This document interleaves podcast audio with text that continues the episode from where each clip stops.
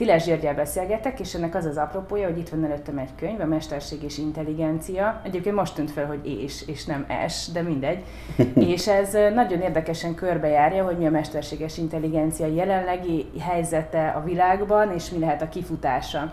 És szerintem kezdjük is innen, hogy azért, amikor mesterséges intelligenciáról beszélünk, akkor mindenkinek eszébe jut, mondjuk az a nagyon egyszerű hétköznapi tapasztalat, hogyha rákeresel valamire a Google-ben, akkor biztos, hogy olyan hirdetéseket fogsz kapni, ez lehet csak egy reklámoptimalizálás, vagy amikor emberek elkezdenek egy nyaralásról beszélgetni, akkor hirtelen megjelenik a Facebook felületükön az országra vonatkozó csomó információ. Egy csomót gondolkodtunk ezen, hogy hogy lehetséges, hogy valami, amiről csak beszélünk, megjelenik. Szóval, hogy a mesterséges intelligencia jelen van az életünkben már most is. Vagy ez még nem mesterséges intelligencia? Hát kétféle válaszom van neked. Kezdjük ezzel a jelenséggel, amit, amit körbeírtál. Annál is alapvetően egyik megoldás rosszabb, mint a másik. Tehát az egyik megoldás, amire mindenki gondol, hogy le vagyunk hallgatva, tehát hogy a telefonjainkon Pontosan erre gondol mindenki, hangasszisztensek, azok regisztrálják ezeket a dolgokat, és folyamatosan fülelnek. Amikor ezt a nagy platformoknak fölvetik a kritikusok, akkor azt mondják, hogy hát ez lehetetlen, nem csak azért, mert mi roppantul etikusak lennénk, hanem azért is, mert az adott kapacitásunk képtelen lenne erre a jelen pillanatban, és csak valamikor pár hónap múlva leszünk annyira jók, hogy ezt meg lehessen csinálni. Tehát ezt így olvastam hivatalos védekezésben a Google-nél is, meg a Facebooknál is, hogy ha akarnánk, se tudnánk még megcsinálni, de hát kérdezem én, hogy akkor pár hónap múlva már az mikor mi volt lesz pár hónap? Hát ez szerintem egy éve volt körülbelül, tehát lehet, hogy, lehet, hogy ott lennénk. A másik verzió az viszont még rémisztőbb egyébként, az pedig úgy hangzik, hogy és ezt is szokták így mind a kritikusok, mind a cégek óvatosan mondogatni, hogy olyan szinten tudnak már mesterséges intelligencia rendszerek alapján úgymond törzsekbe, vásárlói törzsekbe, profilokba szervezni minket, hogy lehet, hogy nem is kell minket lehallgatni, hanem pontosan azáltal, hogy tudják azt, hogy a hozzád nagyon hasonlók, nagyon sok adatpont alapján nagyon hasonlók mit akarnak venni, az alapján úgymond Belőhetőek vagyunk. Belőhető vagy, és majdnem, hogy robotpilóta üzemmódba vásárolod azokat, mint a te, a te hozzád hasonlók. Tehát ezt nagyon-nagyon pontosan lehet már meghatározni, és egyébként a politikai hirdetéseknél is nem akarok nagyot ugrani, de például a Trump kampány Amerikában alapvetően emiatt nyert, emiatt a hiperpersonalizáció miatt, hogy minden hirdetést több száz, meg több ezer verzióba készítettek el, úgyhogy tudták a kedvenc színedet, meg tudták azt, hogy mondjuk küzdködsz-e mondjuk szerencsejáték problémákkal, vagy szorongsz és a szorongók azok teljesen más üzenetet kaptak, mint a nem szorongók. Uh-huh. Tehát ez azért nagyon-nagyon félelmetes. De ez mesterséges intelligencia, vagy csak targetálás? Hát, és itt jön a nagyobb kérdésedre a válasz, hogy, hogyha mondjuk megkérdezel egy egyetemi professzort, hogy ez mesterséges intelligencia-e, ami a jelen pillanatban a világon van, akkor ők kötekedni fognak, és lehet, hogy sokan azt fogják mondani, hogy ez még nem az, hanem valamiféle nagyon szofisztikált adattudomány. Uh-huh. Ha megkérdezel egy marketingest meg egy, vagy egy cégvezetőt, akkor azt mondja egyértelműen igen, mert hogy a, a, a, a mesterséges intelligencia tulajdonképpen egy gyűjtő fogalom a jelen pillanatban a világban, ami alá be van pakolva mondjuk 12-15 olyan altechnológiai irány, aminek adtak egy ilyen gyűjtő fogalmat, hogy könnyebb legyen róla beszélni, meg két betűt, hogy még könnyebb legyen róla beszélni, hogy AI vagy MI. A filozófiai kérdés igen az, hogy hol húzzuk meg a határvonalat. Mit értünk alatta? Hogy, hogy definiálható pontosan a mesterséges intelligencia? Te könyvedben három kategóriája van a mesterséges intelligenciának. Az első ez a szűk mesterséges intelligencia, a második egy kibővített mesterséges intelligencia, amit úgy neveztetek, hogy általános. I- igen. És a harmadik pedig a szuperintelligens. Igen. És tulajdonképpen ezeknek a rövidítései jó pofák, mert ugye azt mondjuk, hogy AI, mondjuk magyarul AI a mesterséges intelligencia, AGI, tehát mondjuk AGI az általános, és az ASI, igen. az pedig a szuperintelligens. Szóval akkor ezek szerint három kategóriára ti már tudtátok osztani a mesterséges intelligenciát. Ebben alapvetően tudományos konszenzus van, hogy ezek a kategóriák léteznek, tehát ezt nem, ezt nem mi találtuk ki. Viszont, hogyha visszatérhetünk az egyszerű definíciókhoz, akkor én általában úgy szoktam megfogalmazni, hogy a mesterséges intelligencia az egy utazás, az már egy 60 éve tartó utazás, az öntanuló és önfejlesztő gépek irányába. Tehát, hogy angol ezt úgy hívják, hogy machines that learn and think, ez a, legprimitívebb uh-huh definíció, ami létezik. És ebben tartunk valamilyen ponton. abban a, azon a ponton vagyunk a jelen pillanatban, hogy adatok alapján, hatalmas nagy adatbázisok alapján képes következtetéseket levonni, képes szöveget generálni, videókat generálni, képes felismerni tárgyakat, lényeket fotókon. Tehát azt hiszem, hogy abban a pillanatban vagyunk, hogy még nem nevezném a szószoros értelmében intelligensnek, amit csinál, és az emberi intelligenciától alapvetően azt különbözteti meg a jelen szintet, a gépi tanulás és a mély tanulás által meghatározott korunkat, hogy a kontextus nem képes kezelni. Tehát nem, nem, nem, nem tud úgy gondolkodni, mint egy ember, hanem csak a, az adatokból, amiket magába szipkálsz, képes, képes gondolkodni. Azért tetszik, mert eleve azt feltételezett, hogy az ember az el, tud kontextusban gondolkodni, már pedig ebben nem vagyok biztos, hogy ez mindig igaz. De hát, hogyha azért megkérdezel idegtudósokat, agykutatókat, akkor alapvetően ők Képesség is... van rá. Igen, a képesség az van, de hát érnek minket negatív élmények is általában. Szóval ez egy utazás. És azt hiszem, hogy a könyvünkben a legnagyobb felkiáltó jel az, hogy nem azzal kell foglalkozni, hogy mikor lesz az emberrel ekvivalens, és álmodozni a, a robotokról, meg a mm, felébredt szuperintelligenciáról. Fontos azzal is foglalkozni, de az inkább az ábrándozás, vagy inkább azt mondanám, hogy a felkészülés, egy hosszú felkészülésnek a folyamata, aminek lehet, hogy az lesz a vége, hogy soha nem érkezik el ez a szuperintelligencia. Viszont a jelenben már annyira hatalma van ezeknek a mesterséges intelligenciák nevezett rendszereknek, amivel viszont a jelenben kell cselekedni, és bizonyos tekintetben tegnap is már késő volt.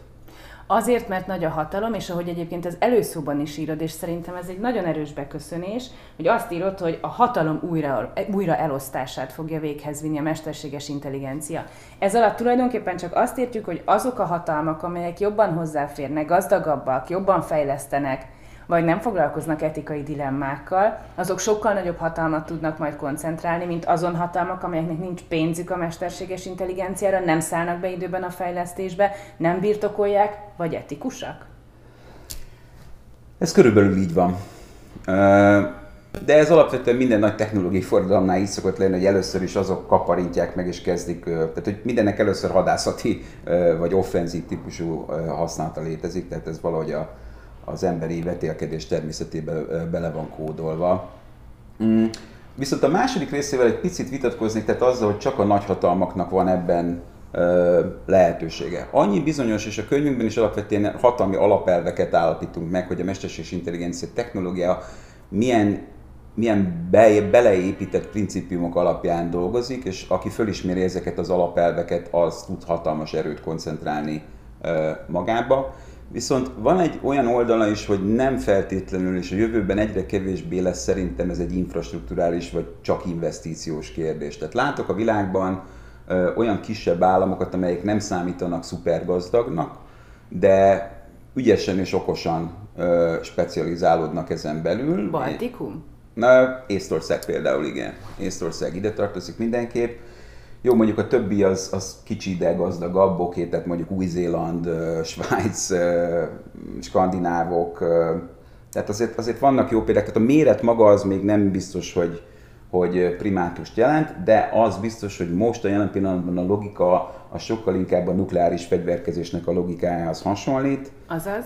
Azaz, hát a, a nagyhatalmak, tehát Amerika és Kína alapvetően az, akik nagyon erősen viszik a pálmát mesterséges intelligenciába, az Európai Unió sok tekintetben hátrébb van, és a, a szabályozás eszközével próbál valahogy porondon maradni, és akkor vannak az ilyen hogy is mondjam, nagyon specializált országok, mint Oroszország, aki kifejezetten az offenzív részére specializálódott, mert másra nincsen pénze. Az egyik fejezetben idéztetek is Putyintól, teljesen felkaptam a fejemet, hogy hogy kerül Putyin ugye a mesterséges intelligenciáról szóló kötetben. Noha persze, hogy belekerül, és ahogy említetted, az Egyesült Államok és Kína versengése, és itt álljunk is meg egy pillanatra, ugyanis a mesterséges intelligencia az a politikával is nagyon-nagyon összefügg, a politika, haszn- a politika hogyan használja a mesterséges intelligenciát, erre utaltál te is, hogy akár elnökválasztásokat lehet eldönteni annak, ami, azzal, amit ma mesterséges intelligenciának hívunk, vagy ha elmegyünk Kínába, szerintem már mindenki hallott az ott lévő pontrendszerről, ott jó állampolgár pluszpontokat kap, rossz állampolgár, és ezt az állam szabja meg, hogy ki a rossz állampolgár, az mínuszpontokat kap.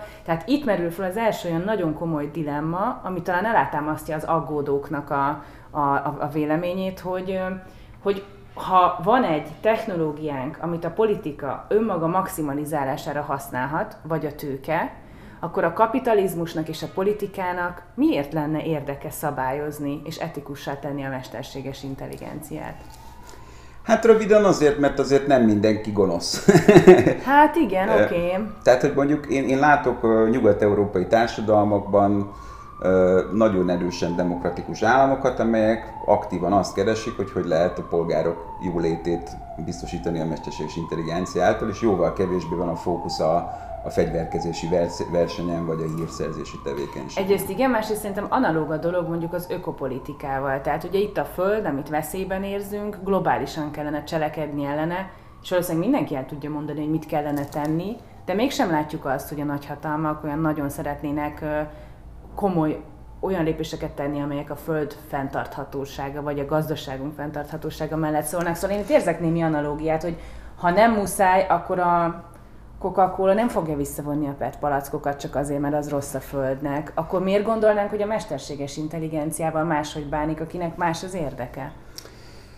Hát ez azért lesz egyre bonyolultabb kérdés, és akkor most egy picit menjünk át a nagyvállalatokra, mert tulajdonképpen azért a lépés elő nem náluk van, és nem is a, az államoknál. Azért ezt, ezt kell, hangsúlyozni kell. Tehát náluk koncentrálódik az a, az a manőverezési képesség, az az infrastruktúra, az a, az a, a tehetségkoncentráció. Nagyon kevés ember tud emit fejleszteni a világon. Tehát, hogy a, mármint, hogy ilyen vezető mesterséges intelligenciát fejleszteni, ez pár százezer ember ezeket elszipkázta alapvetően a nagyvállalati szektor, az államiban nem is nagyon jut uh-huh. a, a, a jobbjából. Tehát az állam azért egy picit követő módban van, nem is kicsit.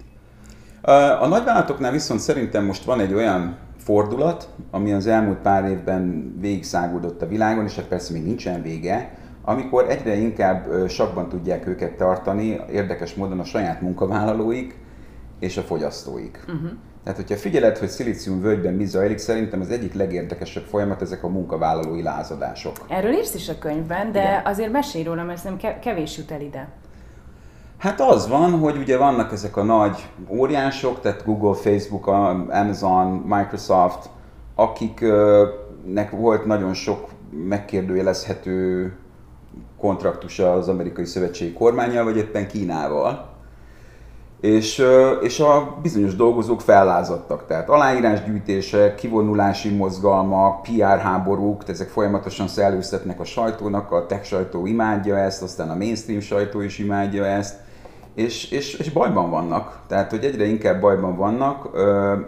Mert a munkavállalóik elkezdenek követelni rajtuk valamiféle etikát? Igen. Azért, mert egy olyan generáció, tehát a, a mostani késő 20 kora 30-as generáció, ha megnézed az értékválasztásaikat, már sokkal kevésbé pénz alapon választanak, hanem érték alapon választanak. Tehát, hogy vala, vala, valahogy hál' Istennek megérkezett egy olyan generáció, amelyik azt mondja, hogy, hogy a, a, az etika és a, a társadalmi értékek szolgálata az egy fontos és, és támogatandó nagyvállalati érték, és hát ők vannak ugye konfliktusban a vállalat vezetőkkel, a szerencsétlenekkel, akiket negyedéves eredmények alapján mérnek, és, és teljesen más incentíva rendszerben vannak, mint a dolgozóik. Viszont szerintem tehát a, a kivonulások mögött meg az áll alapvetően, vagy azért vannak nagy veszélyben ezek a nagyvállalatok, mert most jöttek ki szintén az elmúlt egy-két évben nagyon érdekes tanulmányok arról, hogy tulajdonképpen a jelen pillanatban az ilyen technológiai intenzív szektorokban az a trend, hogy az előállított érték az egyre kevesebb és kevesebb munkavállalóba koncentrálódik. Tehát ez a régi logika, hogy hány alkalmazottad van, az alapvetően már nem lesz fontos. Az lesz fontos, hogy hogy használod a mesterséges intelligenciát az emberek helyett, akiket föl kéne vegyél, egy. Kettő pedig az, akik igazán áttöréseket fognak a cégednek hozni, az már egyre inkább egy maroknyi ember lesz, akiknek csillagászati fizetése van, viszont ők adják az értéket alapvetően a. Na most, hogy ezek fellázadnak, akkor nagyon nagy bajban vagy. És uh-huh. átmennek a konkurenciához, akkor még nagyobb bajban vagy. Tehát ez, ez nálunk, és most elnézést, ez egy nagyon szilíciumvölgyi perspektíva, és lehet, hogy Marcs Bélinek hangzik a magyar nem, uh, nagyon érdekesnek hangzik. Tehát, okay. hogy van egy generáció, amelyik azt mondja, hogy az érték fontos, hiszen láttunk, a, mielőtt kitört a világjárvány és megszüntettük a gyülekezési lehetőségek, azt láttuk, hogy 20 évesek utcára vonulnak globálisan, és Igen. követelnek bizonyos ökopolitikai lépéseket. Az ő jövőjükről van szó. Tehát, hogy nem is annyira távoli, noha ezt még elképzelhetetlennek tartom, hogy egy multiban fellázadjanak a 20-30-asok, hogy követeljük, hogy nem tudom, kevesebb palackot gyártsatok, de ezek szerint a szilíciumvölgyben ez már működik.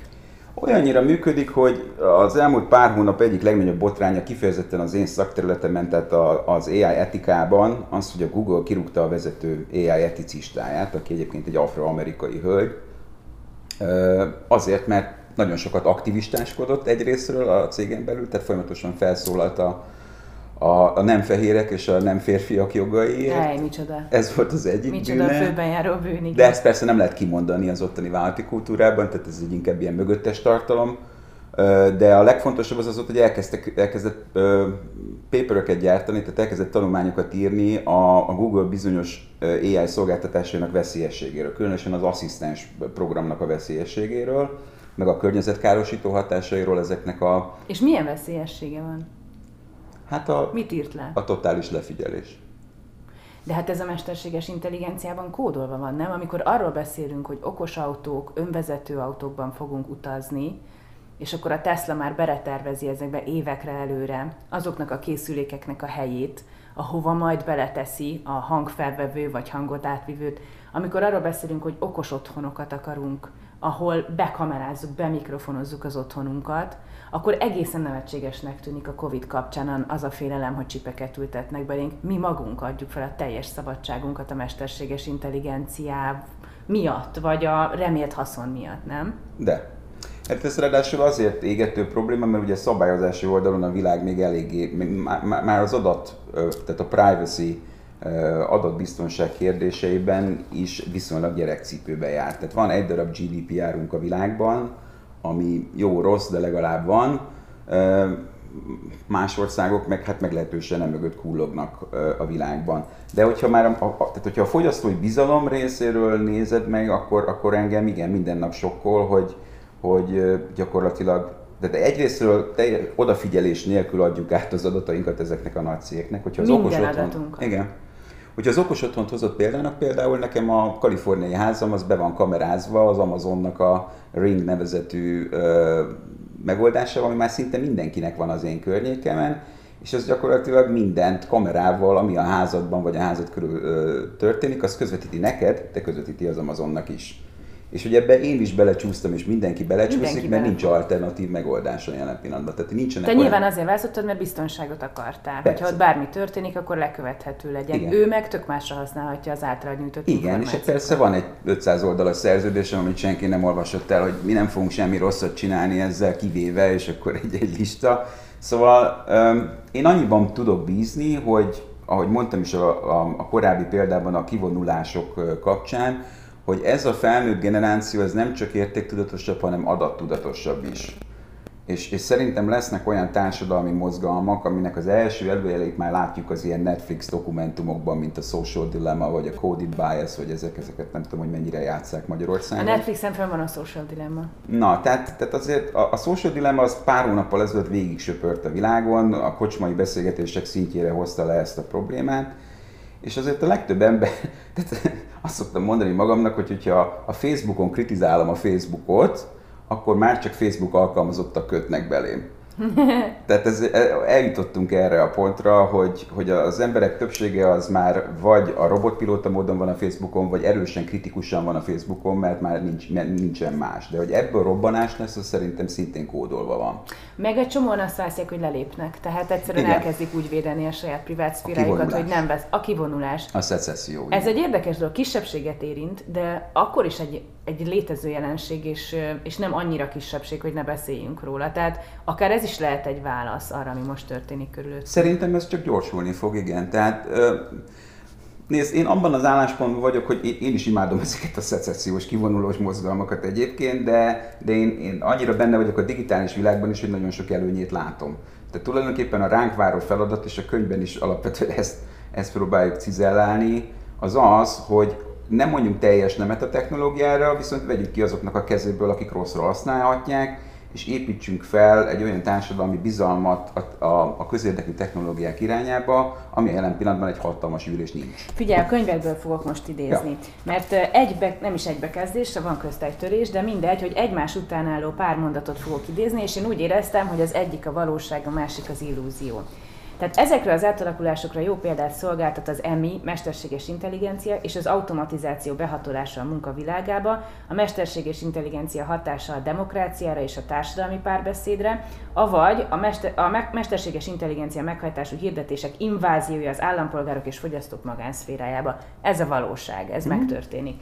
Összességében úgy véljük, hogy világszerte nagyobb hangsúlyt kellene helyezni a kormányzati EMI alkalmazások azon aspektusára, amelyek elsősorban az állampolgárok jólétére és párhuzamos célként a kormányzati szolgáltatások minőségére gyakorolnak hatást. És erre gondolom, hogy illúzió. Nem Magyarországon ez véletlenül? véletlenül, de. Én én nagyon sok politikussal beszélgetek és adok tanácsot a világban, és, és azért az, az alapján nekem inkább pozitív a képem, vagy inkább reménytelibb a, a képem, hogy nagyon sokan azt látják, és mondjuk egy példa, amit talán megnevezhetek, az az, hogy talán két éve, amikor Párizsba éltem, akkor a, az egyik nagy francia pártnak az elnöke hívott el egy három órás magánbeszélgetésre, amiben részletesen kifaggatott a veszélyekről, a lehetőségekről, őt főleg a munkapi- munkaerőpiaci konzekvenciák érdekeltek, és azt mondta, hogy ő programot akar erre írni. Tehát ő, ő most meg akarta ezt érteni, ez volt a bevezető beszélgetés, most ráállítja magát és az embereit, és ná, politikai program lesz belőle de dolgozok, tehát ilyen nagy, nagy szervezetekkel, amit meg senior politikusok uh, alkotnak, tehát volt államfők és kormányfők, mint például a Club de Madrid, és náluk is azt láttam, hogy mindegyik ezt a pozitív képet keresi, tehát a, a víziót keresi, ezek, ezek értékelvű, demokratikus lelkű emberek. De mondd el, hogy mi ez a vízió. Én nagyon kíváncsi mert ugye, ha azt mondjuk, hogy az állampolgárok jóléte legyen mondjuk az elsődleges szempont, amikor mesterséges intelligenciát akarunk használni, akkor az végül is mi? Hogy legyen kajájuk, vagy információjuk, hogy biztonságban legyenek? Mert azért te Amerikában élsz, amikor ledöltek az ikertornyok és megszületett a Patriot Act, onnantól gyakorlatilag folyamatosan arról beszélünk, hogy a biztonságunk érdekében bármikor lemondunk a jogainkról. Melyik a jó? A jogaim a fontosabbak, vagy a biztonságom? Hogy lehet eldönteni, hogy mi a jó? Ezek, ezek örökké fejfej mellett lesznek ezek a fogalmak alapvetően. De, de ahogy te is megvilágítod, a jelen pillanatban a világban egy nagy deficit van, tehát hogy mindennek, a, a, mesterséges intelligenciát automatikusan és reflexzerűen elkezdik inkább megfigyelésre, meg fegyverkezési versenyre használni, meg manipulációra kezdik el használni, de ebbe be kell két oldalról is avatkozni. Az egyik az a szabályozási oldal, ahol az EU most két hete letett egy olyan szabályozási tervezetet, ami konkrétan tiltja a manipulatív ai és tiltja a megfigyelési ai tehát egész Európában komoly akadályok, komoly falak jönnek be a megfigyelési technológia ellenében. És komoly büntetésekkel szankcionálja, ha valaki... Igen, igen és tehát hasonló, mint a GDPR. Ez mind megvan uh, szállva rendesen Igen, körülbelül? igen, ez egy százoldalas törvénytervezet a jelen pillanatban, ami még nincs ilyen életben, meg hát most jönnek csak be a lobbisták, akik majd szélszedik és kiüresítik de, de én ezt egy nagyon-nagyon pozitív lépésnek tartom. Tehát egyrészt szabályozási oldalról kell megközelíteni, de az, ahol tényleg még vannak ködök, de viszont nekem ez a küldetésem, az az, hogy felépítsünk olyan alternatív technológiai családokat, ami visszaszerzi a társadalmi bizalmat a technológia irányába. Például? Nagyon egyszerűen fogalmazva, hogyha végig gondolod azt, hogy mi az az 5 vagy 6 app vagy szolgáltatás, amire szükséged van, tehát mit tudom én, szükséged van üzenetküldőre, szükséged van valami társadalmi, tehát ilyen social media jellegű dologra, mit tudom én, szükséged van egy transportációs applikációra, vagy ilyesmi. Tehát hogy van, van egy ilyen viszonylag szűken be, behatárolható kör, amire minden embernek alapvetően szüksége van. Kajarendelős applikáció Covid idején. Igen, de tehát, hogy ezeket, ezek, ezeknél kell létrehozni egy olyan alternatív technológiai családot, ami full privacy-re épül, és, és, és mindenkinek a, a legjobb érdekeit tartja szem előtt, és nem kommercializál mindenkit a halálba, és nem figyel meg. És azért ennek első fecskéi már láthatók a világban, tehát hogy egymástól izoláltan működik több kutató és fejlesztő csoport a világban, tehát mondjuk a Tim Berners-Lee, aki ugye a World Wide Web-et kitalálta, neki van egy ilyen startupja, ami egyértelműen adat, adat privacy-re fókuszál, hogy nálad maradnak mindig az adatok, és senki nem fér alapvető hozzá, és te engedélyezed minden pillanatban azt, hogy használhassák el, vagy akár pénzt is kérhetsz érte. Szerintem ez lesz a következő nagy mozgalom a világban, hogy pénzt kérünk az adataink? Hogy mindenki monetizálhatja az adatait. Erre, ebben most nagy mozgolódás van a világban. Tehát eldönthetem, hogy kinek adok ki magamról, és, és mennyiért. És Igen. Már, már konkrétan adott szövetkezetek is vannak a világban, ahol emberek állnak össze, osztják meg egymással az adatokat, már mint úgy, hogy nem látod a másiknak az adatát, de, de egy pult képezel belőle, és ezzel mondjuk a vásárló erődet, vagy hát pontosabban az ár, ár erődet azt tudod növelni azokkal szemben, akik, a, akik az adataiddal fognak dolgozni. Az adatgazdaság az mindenképpen be fog hozni ilyen mozgalmakat. Kérdés az, hogy milyen gyorsan állnak föl ezek, és mekkora erejük lesz. Uh-huh. Én, én, én ezeket alapvetően közérdekű technológia vagy közérdekű AI név alá szoktam csomagolni, és szerintem nem egy akkora truváj föl, fölvázolni ezeket a szolgáltatásokat, amire szükség van, és azokat lefejleszteni, úgyhogy egymással teljesen kompatibilisek legyenek. Szerintem az nagyon biztató, amit mondasz, hogy az Európai Uniónak már van egy ilyen tervezete, az Egyesült Államoknak is van ilyen, de mondjuk például azt sokszor hallottuk, hogy orosz algoritmusok hogyan szóltak bele az elnöki kampányba, például Amerikában. Ezt most csak azért mondom, mert nincsenek jók meg rosszak a világban, azt hiszem, vagy nem tudom, lehet, hogy vannak, kicsit bizonytalan vagyok ebben a mondatban, de a dolog lényege az, hogy, hogy az, hogy mindenki elfogadjon ilyen, ilyen etikai szabályokat, az ugye majdnem kizárt. Ez olyan, mint amikor a kiotói egyezményt akarta mindenki alá, vagy akarta sok ember, hogy aláírja a legtöbb ország, ez ugye egy kibocsátás kibocsátási szintet vállal a, a, a levegő érdekében. Na a lényeg az, hogy azt sírt alá mindenki. Uh-huh. Tehát, hogy, hogy mindig lesznek országok, akik rosszra fogják használni. A kérdés az, hogy lehet-e ezzel ellen védekezni, vagy hogy erre fel tud-e készülni a mesterséges intelligencia. Hát valahogy, hogyha ha szabad a Bibliát idéznem, ez a, a hangják Jákobé a kéz és körülbelül, tehát mondjuk az olyan megfigyelési bajnokok, mint Kína is, amikor etikáról kell nyilatkozni, akkor fölmondják a verset, hogy ez mennyire fontos, és hogy alig várják már, hogy legyen egy nemzetközi egyezmény, meg mit tudom, micsoda. De hát ezek, ezek, ezek PR történetek alapvetően, mert mindig a, a, a hatalmi érdeket kell mögötte keresni, meg, a, meg egyáltalán a társadalom értékítéletét, ami Kínában egész más, mint, mint máshol. De, de szerintem létrehozhatók ezek a, bármint, hogy ilyen, a jelen pillanatban a verseny, a verseny és a fegyverkezés hangulata határozza meg a világot. Biztos, hogy lesz majd valami globális egyezmény ENSZ égisz alatt, de ha a realitást akarjuk nézni, akkor ez úgy néz ki, hogy mondjuk, mondok neked adatokat. Tehát, hogy a világban 50-60 országnak van úgynevezett nemzeti AI stratégiája, Magyarországnak is van egy ilyenje. Ezek változatos szinten tárgyalják. Szlovákiának van ilyenje? Szlovákiának azt hiszem van, igen, hogy viszonylag friss, tehát hogy pár hónappal ezelőtt. Most nem fogok rá megesküdni, de, de úgy, úgy emlékszem, hogy van. Ö, vagy legalábbis előkészület alatt, ezt láttam legutoljára. A, mit akartam ebből kihozni? Tehát, hogy 50, hogy van 50 igen, 50 akinek már van ilyen van, Igen, ami változatos mélységben tárgyalja a társadalmi AI szükségességét, vagy ezt a vízió szükségességet, mit is akarunk vele csinálni. Egy csomó a szabályozási fókuszú, egy csomó az ipari fókuszú, hogy hogy fognak az iparágaink átalakulni, bla, bla, bla, bla. Mindegy. Jó, hogy ezek vannak. Na most ezt hasonlítsuk össze azzal, hogy mondjuk 80-90 ország van a világban, akik bizonyítottan hadászati és hírszerzési célra használnak mesterséges intelligenciát, tehát több olyan ország van jóval, akinek társadalmi víziója még nincs publikáltan, tehát úgy gondolták, hogy az állampolgároknak ez nem fontos, de, de már használjuk. És akkor mondok még egy durvább számot, tehát hogy legalább 120 ország van a világban, akik bizonyítottan dezinformációs célra használnak mesterséges intelligenciát. 120? Uh-huh. És ezek csak antidemokratikus, vagy szóval nem demokratikus rendszerek? Szerintem nem.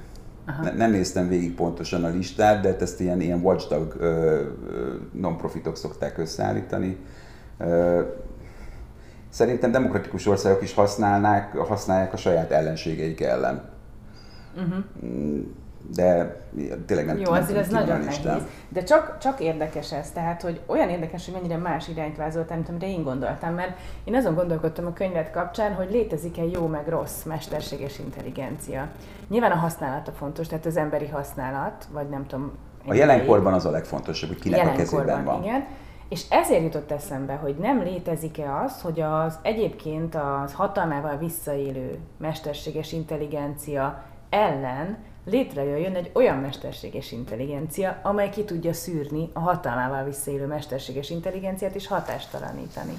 Igen, ez, ez egyébként már most is van, vannak ilyen vicces problémák, hogy, hogy a tudomány világában, meg a kutatásokban már nagyon sok esetben használnak mesterséges intelligenciát, amit viszont már visszaellenőrizni, hogy az jól végezte el a kutatást, már csak egy másik mesterséges intelligenciát tud. Tehát, de egyébként a mostani technológiákban is kódolva vannak ezek, tehát a, ha például talán mondtad a deepfake-eknek a kérdését korábban, tehát ezek a hamisított videók, mesterséges intelligencia által hamisított videók, meg audiók egyébként, az audiókról nagyon kevesen beszélnek, de az is borzasztóan fontos, mert mindjárt megmondom, hogy uh-huh.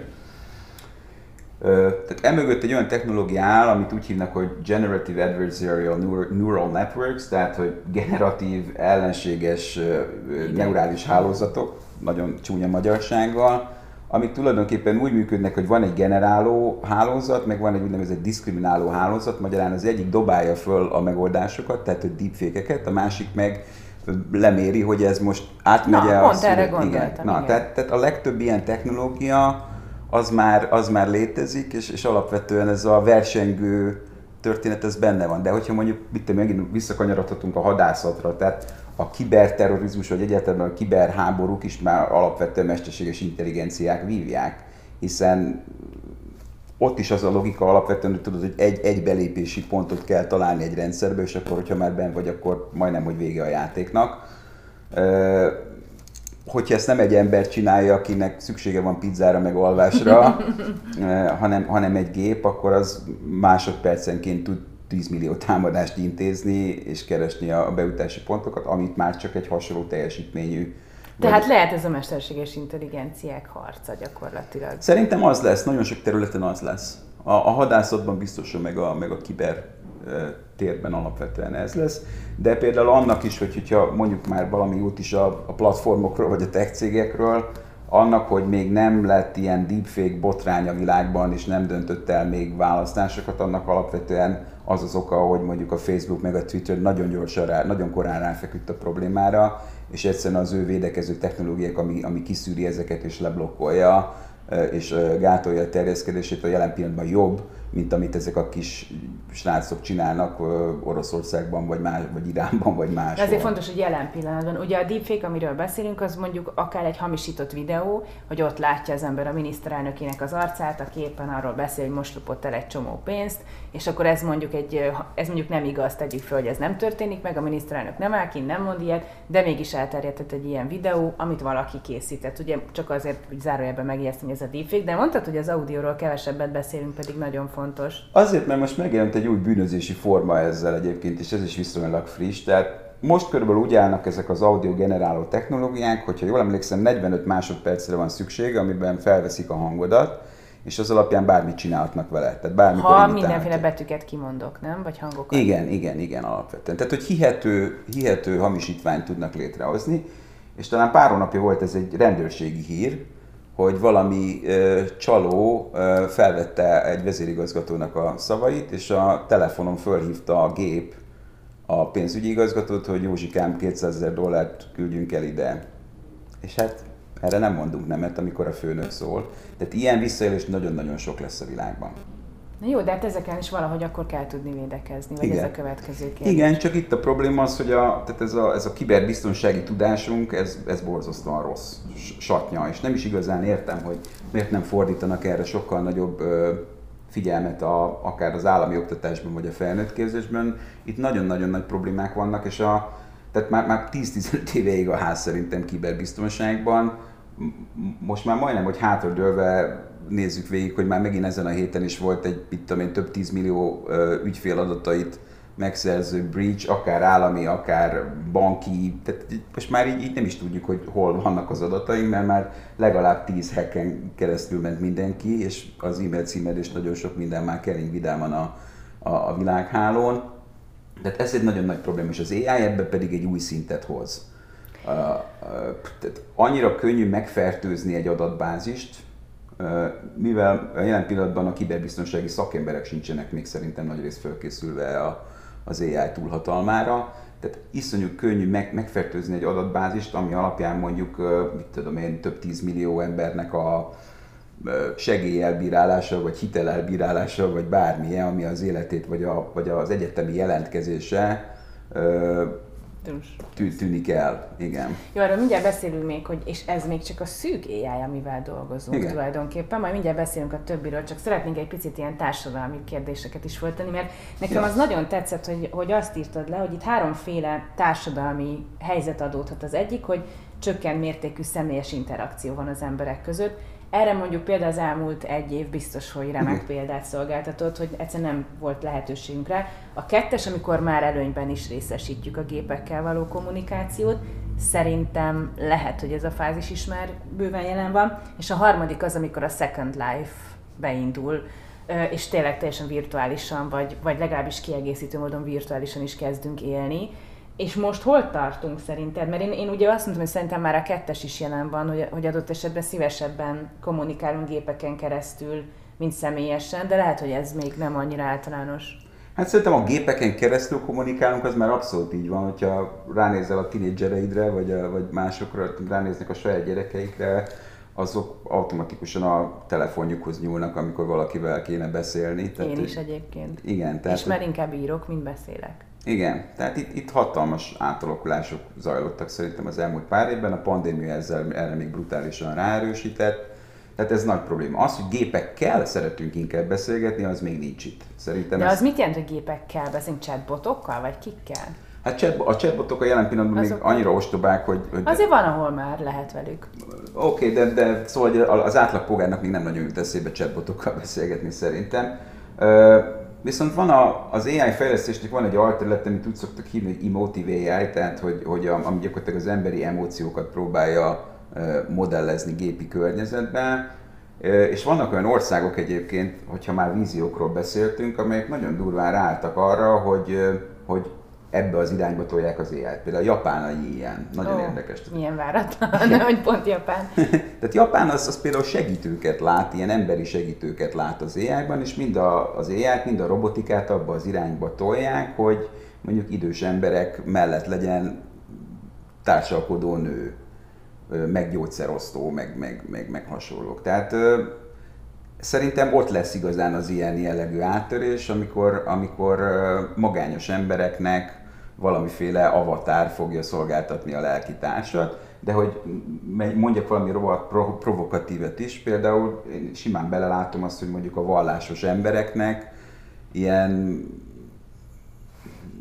lelki atyaszerű társa lesz mesterséges intelligenciában, vagy, vagy az átlagembernek is érzelmi kócsként már egyre inkább. Tehát Amerikában a, a, a mental health, tehát a, a pszichiátria és hasonló történeteken a beteg embereknél és az egészséges embereknél is egyre inkább vetnek be AI-t ilyen, ilyen emóciós kócsnak, aki minden reggel megkérdezi, hogy hogy vagy, akkor beírod, hogy jó, vagy kicsit rosszabbul, és akkor ezek az adatok mennek az orvosodhoz, meg neked a tanácsokat ilyen életjobbításra. Biztos láttad a, nem is tudom mi a Her, talán az volt a film címe, Joaquin phoenix Azt hiszem, igen. aki egy mesterséges intelligenciával esik szerelembe gyakorlatilag, aki nincs megtestesülve, csak a fülében van, és érzelmeket produkál, nagyon Igen. emberi érzelmeket egyébként.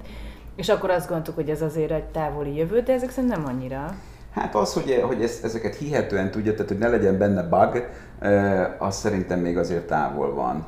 De, de hogy ezeket az asszisztenseiket, amik már a telefonunkon vannak, és ugyanúgy testetlenek, tehát most az, hogy épp a telefonunkon van, az nem különösen mert sokat számít, mert bárhol lehetnek. Ezeket szerintem egyre inkább ebbe az irányba fogják tolni, meg az avatarizáció felé fogják nyomni, tehát hogy így próbálják személyiséggel felruházni. Na ez a nagyon nehéz ügy. És erről ti is írtatok az antropomorfizációról, Igen. hogy az mennyire lehet problematikus, ha egyszer csak valahogy emberi, nem tudom, ha nem is külsőt okvetlenül, de hogy ilyen emberi hangulatot, érzéseket, tulajdonságokat kaphatnak ezek a mesterséges intelligenciák.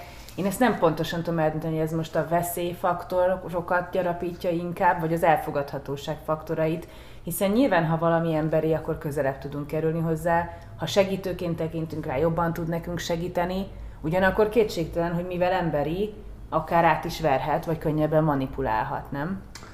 Hát szerintem minden, mind a kettő igaz, de nagyon érdekes, hogy ennek a legnagyobb gátja a jelen pillanatban a, a, technológiai gátokon felül az emberi pszichének a gátja, ami szerint, hogy van egy ilyen jelenség az emberi agyban, amit úgy szoktuk hívni, hogy uncanny valley, ami, hogyha valami túl emberinek akar látszani, az valamiféle viszonygást, viszonygást vált ki belőlünk, igen. Tehát, hogy egy csomóan, akik már belefutottak ebbe a problémába, inkább kezdték a fejlesztéseiket, a robotikai fejlesztéseiket is abba az irányba tolni, hogy nem kell nekünk android, tehát nem kell nekünk teljesen embernek kinéző, meg a bőre tapintása is olyan legyen, hanem, hanem csináljunk olyan robotokat, akik direkt nem úgy néznek, mint az emberek, mert azt sokkal könnyebben elfogadjuk, mint ahogy egy kutyát elfogadunk. Aha. Körülbelül, körülbelül így. De hát persze technológiailag is van ennek gátjai, tehát én azért szoktam pufogni magamban, amikor, amikor mindenki a, a robotokat látja alapvetően a mesterséges intelligenciába, és ez, ez azért egy erős hollywoodi presszió szerintem. Tehát a robotika az egy nehéz falat.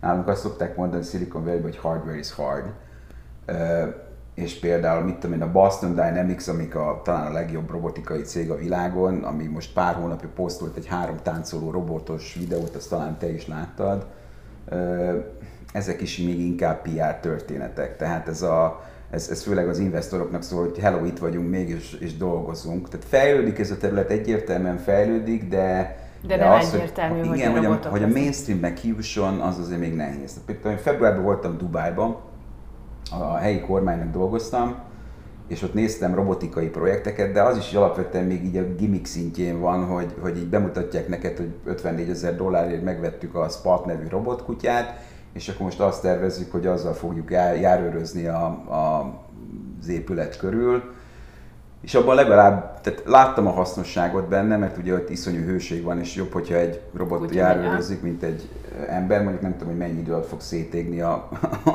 a robotnak a teste abban a 60 fokos hőségben, de az nem az én gondom legyen. De, hát, de hát ugyanúgy benne volt benne ez a Dubai Flash történet, hogy akkor mutogassuk meg a messziről jött idegennek, hogy mennyi pénzünk van, és hogy abból is robotot veszünk. Na értem, szóval ez azért még nem ugyanott áll, de még társadalmi kérdést szeretnék feltenni. Nekem az nagyon tetszett ez a folyamat, ahogy leírtad, vagy leírtátok a könyvben, hogy a közösségi média hogyan hatott a személyiségünkre, és hogyan hat vissza a mi személyiségünk aztán a közösségi médiára. Ha jól emlékszem, valami olyasmi irodalom, vagy olyan szakkifejezés használtok el, hogy kibergizálódunk, vagy valami... Kibor, kiborgizálódunk. Kiborgizál, bocsánat, igen, kiborgizálódunk. Tehát, hogy, hogy ezt, ezt talán még kevésbé tárgyalt terület is. Mindig arról beszélünk, hogy miért lett ekkora csatatér a közösségi média, hogy ugye amíg anonim módon harcoltál, akkor az egy érthető dolog, mert el tudsz bújni valami mögé, de már rég nem anonim módon harcolunk, és mégis nagyon radikalizálódik, és polarizálódik, és mindent el tudok róla mondani. Ez hogyan hat a mesterséges intelligenciára? Uh, Vagy ez a fajta társadalmi helyzet, amiben érkezik?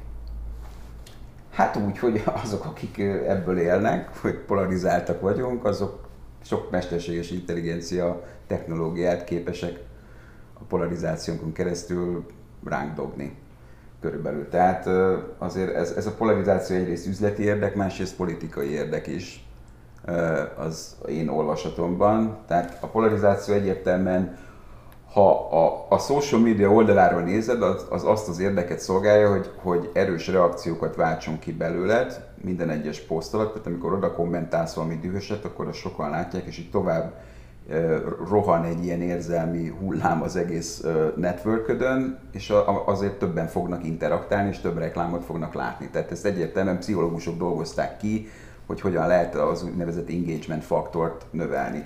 A politikumban meg hát látjuk azt, azt igen, hogy mennyire világos. kifizetődő a, a polarizáció.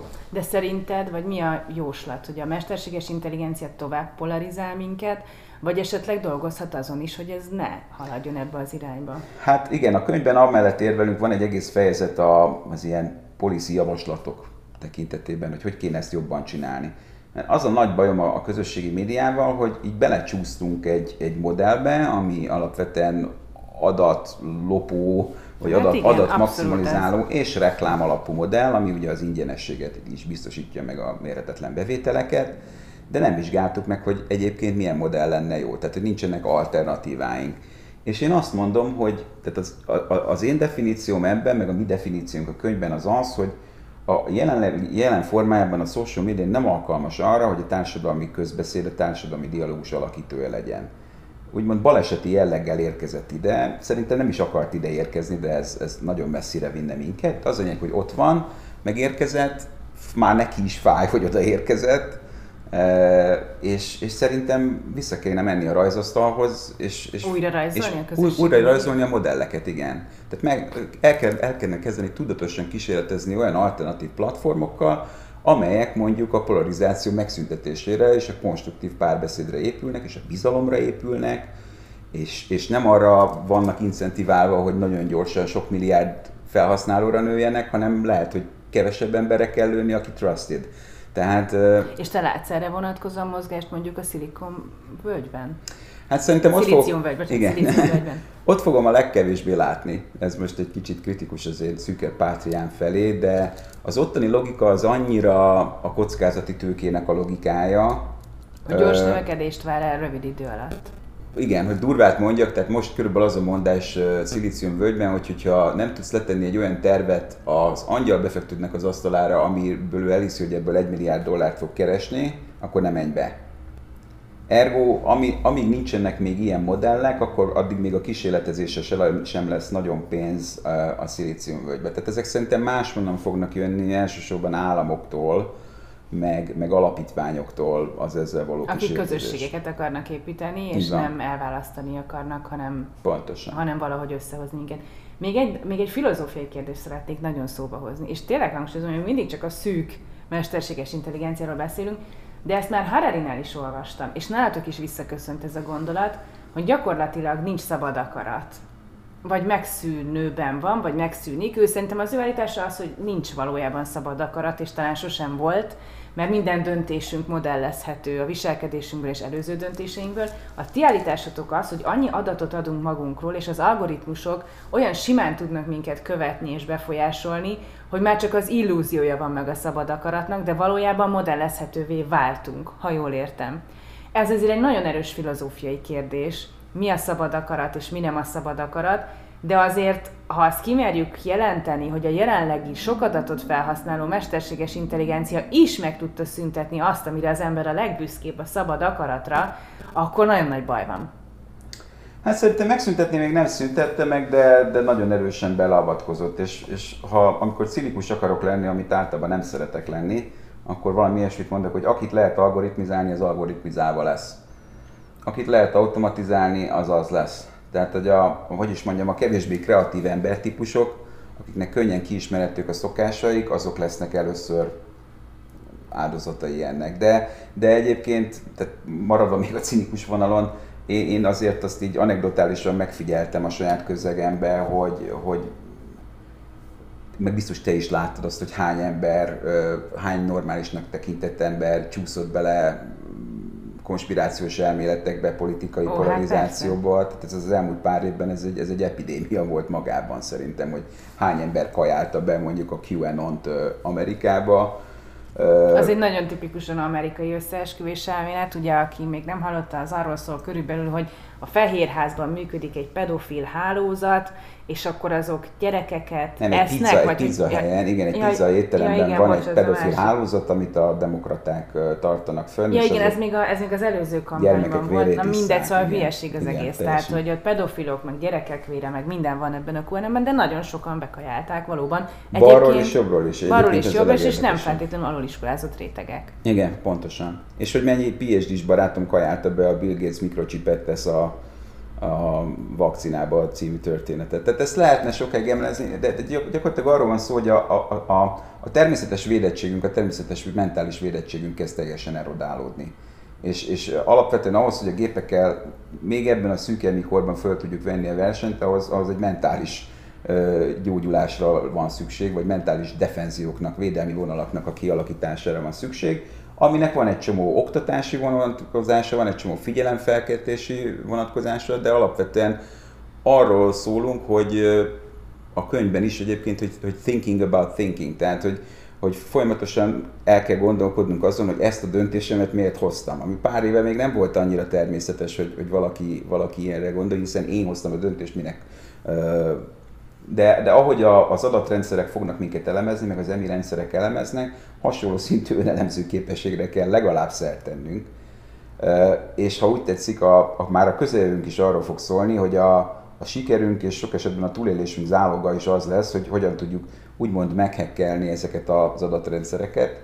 Pusztán az agyunkkal. Pusztán az agyunkkal, pusztán azzal, hogy tudjuk, hogy a gép hogy gondolkodik, akkor most húzok valami olyat, hogy a gép kiakadjon rajtam ha figyeled például, hogy mi történik most a digitális marketing világában, ami nekem egy nagy nünükém, és hogy milyen áldázó somolyg minden digitális marketinges a világban, amikor mesterséges intelligenciáról van szó, tehát ők rohadtul tudják, hogy ezzel aztán a manipuláció ki lesz maxolva. De várj, én azt is olvastam, hogy ha már digitális marketing, hogy tesztelték, hogy digit, a mesterséges intelligencia által előállított reklámokra mi a reakció. És a cégvezetők nagyon elégedettek voltak, de azért az emberek azok óvatosabbak voltak a fogyasztók a mesterséges intelligencia által előállított reklámokkal. Én láttam sokféle tanulmányt, nem mindegyik mondja ezt én most már ilyen 50-50 százalékosakat látok, hogy, hogy egymás mellé tettek egy kreatív szakemberek és egy mesterséges intelligencia által uh, alkotott hirdetést, és 50-50 vagyunk. Na ebben azért nem az az ijesztő, hogy gépek fogják csinálni a reklámokat, nem. hanem hogy a kreativitást át tudja venni a mesterséges intelligencia, és ami igazán sokkoló, az valahogy kicsit cinikusan leírtátok a könyvben, hogy akár popstárokat is tud előállítani a mesterséges intelligencia, akik sosem voltak sosem írtak dalokat, de mégis léteznek mondjuk a virtuális térben, és rengeteg követőjük lehet. Tehát ha a kreatív ipart át tudja venni, akkor tényleg, és a szabad akarat, és még egy csomó, akkor tényleg azért el kell azon gondolkodni, hogy tulajdonképp miben tud különbözni az ember. Hát igen, úgy tudunk ebbe belecsúszni, hogy észre se vesszük szerintem. Tehát, hogy még... A váratlanság. Érted, a... hogy mi az, ami, ami modellezhetetlen mesterséges intelligenciával? Egyébként a váratlanság az pont ilyen lehet, a meglepő húzás. Igen, igen, a kreativitás és a, a hekkelés szerintem, meg, meg mondom, ezek a, a mentális védelmi vonalainknak a, a, a felépülése, meg a tudatos digitális detoxifikáció időnként. Tehát nekem van egy ilyen heppem, hogy kénytelen vagyok létezni a digitális térben a szakmám miatt, nem mindig szeretem. Hát egyre több szakma ilyen egyébként. Igen, de, de, de hogy mondjuk évente egyszer eltűnök 11 napra az erdőbe meditálni, és és akkor a telefonomat elveszik, a számítógépemet elveszik, tehát hogy valahogy megállt kell tudnunk parancsolni. És akkor mit csinálsz? Mit csinálok ott? Meditálok. 11 napon át. Meditálsz. Csendben meditálok. Napi De ez egy buddhista dolog, vagy? Ez eredetileg buddhista gyökerű, igen, ezt úgy hívják, hogy vipassana egyébként, hogyha Harari... Szerintem hallottam, igen, igen, igen. Hogyha Hararit idéztet, hogyha őt, én őt nagyon tisztelem, de ha láttál bármiféle hasonlóságot a gondolkodási sémáink között, az azért van, mert ő is vipassana, meg én is. Tehát, hogy, hogy ő, ő, ő nálam sokkal, jobb, sokkal gondosabb és sokkal... Lehet, hogy nála olvastam, mert nagyon ismerős volt a történet. Tehát lehet, hogy ott olvastam el, hogy ő is leírt, hogy elmegy ilyen... Tehát ő majdnem, ő majdnem szerzetesi elkötelezettséggel űzi ezt a meditációs technikát. Én, én kicsit amatőrebb vagyok ebben, de... de, de és nincs elvonási tüneted? Nincs, semmi. Annyira érdekes volt, amikor először mentem ide 2013-ban, akkor mint minden átlagember én is be voltam va attól, hogy elveszik a telefonomat, és hogy majd izé fél, félni fogok ettől, meg, de, de ez sem volt, meg az, az iránt is volt félelmem, hogy fogok-e tudni csendben maradni 11 napon keresztül, meg, meg olyan szabály is van, hogy nem nézhetsz másra 11 napon keresztül, tehát mindig csak, csak magadra figyelsz, és semmi, és fél óra, és, és a, a csend válik természetessé. De olvasni lehet, vagy a könyvet, vagy azt sem nagyon? Az elsőn még azt sem hagyják. Amikor, amikor elvégezted az első kurzust, akkor utána néha olvasgathatsz, de azt se szeretik. Papír, ceruzát sem. Ne, ne, nem Tehát tényleg csak a létezés és a meditáció. Igen. Igen. Nagyon érdekes, ezt valószínűleg mindenkinek ki kéne próbálni. De hadd lépjek még egyet tovább, Igen. a vége felé járunk, de azért ez még fontos, hogy tehát sokszor hangsúlyoztuk, hogy mindez a szűk mesterséges intelligencia. Aztán, hogy mikor jön például az általános mesterséges intelligencia, az mit fog tudni, és ami igazán sokkoló, hogy ez mennyi idő alatt transformálja önmagát a szuperintelligens mesterséges intelligenciával, azért ezek az igazán aggasztó kérdések. Minden, amiről beszéltünk, az az alapja a mesterséges intelligenciának, és már most baromi nagy bajban vagyunk. Mekkora bajban leszünk, ha egyszer csak megjelenik az általános? Az mit fog tudni ehhez képest? Az öntanuló lesz, önfejlesztő? Mert akkor 0,5 másodperc alatt is lehet szuperintelligens. És onnan végünk. Hát ez volt a cél. Akik, akik lefektették ennek a tudományágnak az alapjait az 50-es években, azok ezt tűzték ki célnek, hogy legalább, legalábbis az emberre ekvivalens intelligenciát akartak létrehozni. Aztán ez tudod definíciós kérdés, hogy hol húzzuk meg a határt, és biztos, hogy lesz egy csomó cég, aki bejelenti, hogy létrehoztuk, aztán a másik cég rátámad, hogy nem is hoztátok létre, mert ez még hiányzik belőle. Szóval ezek, ezek bonyolult dolgok. Igen, ezekről gondolkodni kell, tehát szerintem most, most, már, most ebben a szűk szakaszban is nagyon-nagyon reális problémáink vannak, amire reagálni kell. Ha úgy tetszik, annyira strukturálisan kell reagálni, hogy magunkat olyan helyzetbe hozzuk, hogy képesek legyünk mentálisan felkészülni a szuperintelligenciára, és olyan fékeket... Amikor és... ott tartunk, hogy arra sem vagyunk mentálisan felkészülve, ami jelenleg van. Pontosan. Semmit nem foglalkozik vele az oktatási rendszerünk, a magyar biztos nem, nem tudom, hogy az amerikai jobban foglalkozik-e vele, És akkor arról beszélünk, hogy készülünk fel a szuperintelligenciára. Hogy? Igen. Egyébként én nem hiszem azt, hogy ez, ez biztosan be fog következni, és, és általában nagyot szoktam meccselni ezekkel a szilíciumvölgyi profétákkal, akik, akik ezt az egészet úgymond az elkerülhetetlenség mitoszával lengetik be. Én úgy gondolom, hogy az, amik, azok a technológiák, amiket most mesterséges intelligenciának hívunk, azok most még korlátosak, és szerintem nem, nem vezetnek el a definíció szerinti emberi intelligenciához, vagy ekvivalenciához. De hát bármikor jöhet egy új fejlesztés, ami teljesen máshogy közelíti meg a mesterséges intelligenciát, tehát ezt, ezt nem, nem, nem lehet kizárni a folyamatból. De én úgy gondolom, hogy ha ezt egy picit félretesszük, akkor az elkövetkező 5-10 évünk arról fog szólni, hogy ilyen egyre okosabb rendszerek jönnek létre, amik még lehet, hogy nem ekvilensek az emberrel, de mondjuk, hogyha vállalatvezetőként nézek a történetre, és, és a, a, a feladatkörök alapján közelítem meg a dolgot. Tehát, hogyha azt mondom, hogy a mesterséges intelligencia definíció az, hogy ugyanazokat a feladatokat el tudja végezni, mint az ember. Csak gyorsabban. Gyorsabban, hatékonyabban, és nem kér pizzát, az, az már akkor, hogy 60-70%-át tudja az emberinek, már akkor is értékes költség-haszon elemzés alapján. Tehát, hogy ez a, a rendszereknek egyrészt a hatalmától kell félni, másrészt azzal, hogy, hogy nem biztos, hogy el kell, el kell érni az emberrel valahogy értékűséget ahhoz, hogy bizonyos koncentrált feladatokra már a szűke mikorában is lecserélhetővé váljon az ember, és lecserélhetővé váljanak állások. Hát már csak kíváncsiságból is biztos lesz, aki ez tovább megy az úton, nem? Biztos, biztos. Tehát ezt, ezt nem lehet úgy mond, hogyha nem mondod ki azt, hogy mit tudom én, halálbüntetés terhe mellett nem lehet mesterséges szuperintelligenciát fejleszteni, lehet, hogy még az sem lesz elég visszatartó erő, mert egy lakatlan szigeten egy őrült tudós meg fogja csinálni. Én úgy gondolom, hogy nagyon sok párhuzamos valóság fog létrejönni egyébként, tehát hogy lesznek disztopikus és utopisztikusabb ö, világok is e, ezen a mi világunkon belül. Szerintem most az a dolgunk, hogy lefektessük egy, egy élhetőnek és egy fenntarthatónak az alapjait, tehát egy, egy olyan modellt tegyünk le az, az asztalra, ahol a technológiával és az emi, tehát hogy jó emit tudjunk létrehozni, és reménykedünk, reménykedjünk abban, hogy ezt a modellt és a víziót minél többen át tudják venni a világba. De ezt alulról kell kezdeni, közösségekben kell elkezdeni, bizalom alapján kell elkezdeni. Meg az állítás az, hogy előbb legyenek meg az elvek, és aztán a technológia. Pontosan. Pontosan. Mert akkor tudjuk felügyelni. Most fordítva van. Most, most a szabályozás logikája a maximum, ami megjelenik, hogy úristen elrohant a technológia, és akkor most valamit lépnünk kell. Ez, ez, ez végzetes hiba. Te optimista vagy, vagy pessimista vagy mondjuk a következő 20-30 évet nézve? Vagy a gyerekeink jövőjét nézve? Én hosszú távon inkább optimista vagyok, rövid távon pessimistább.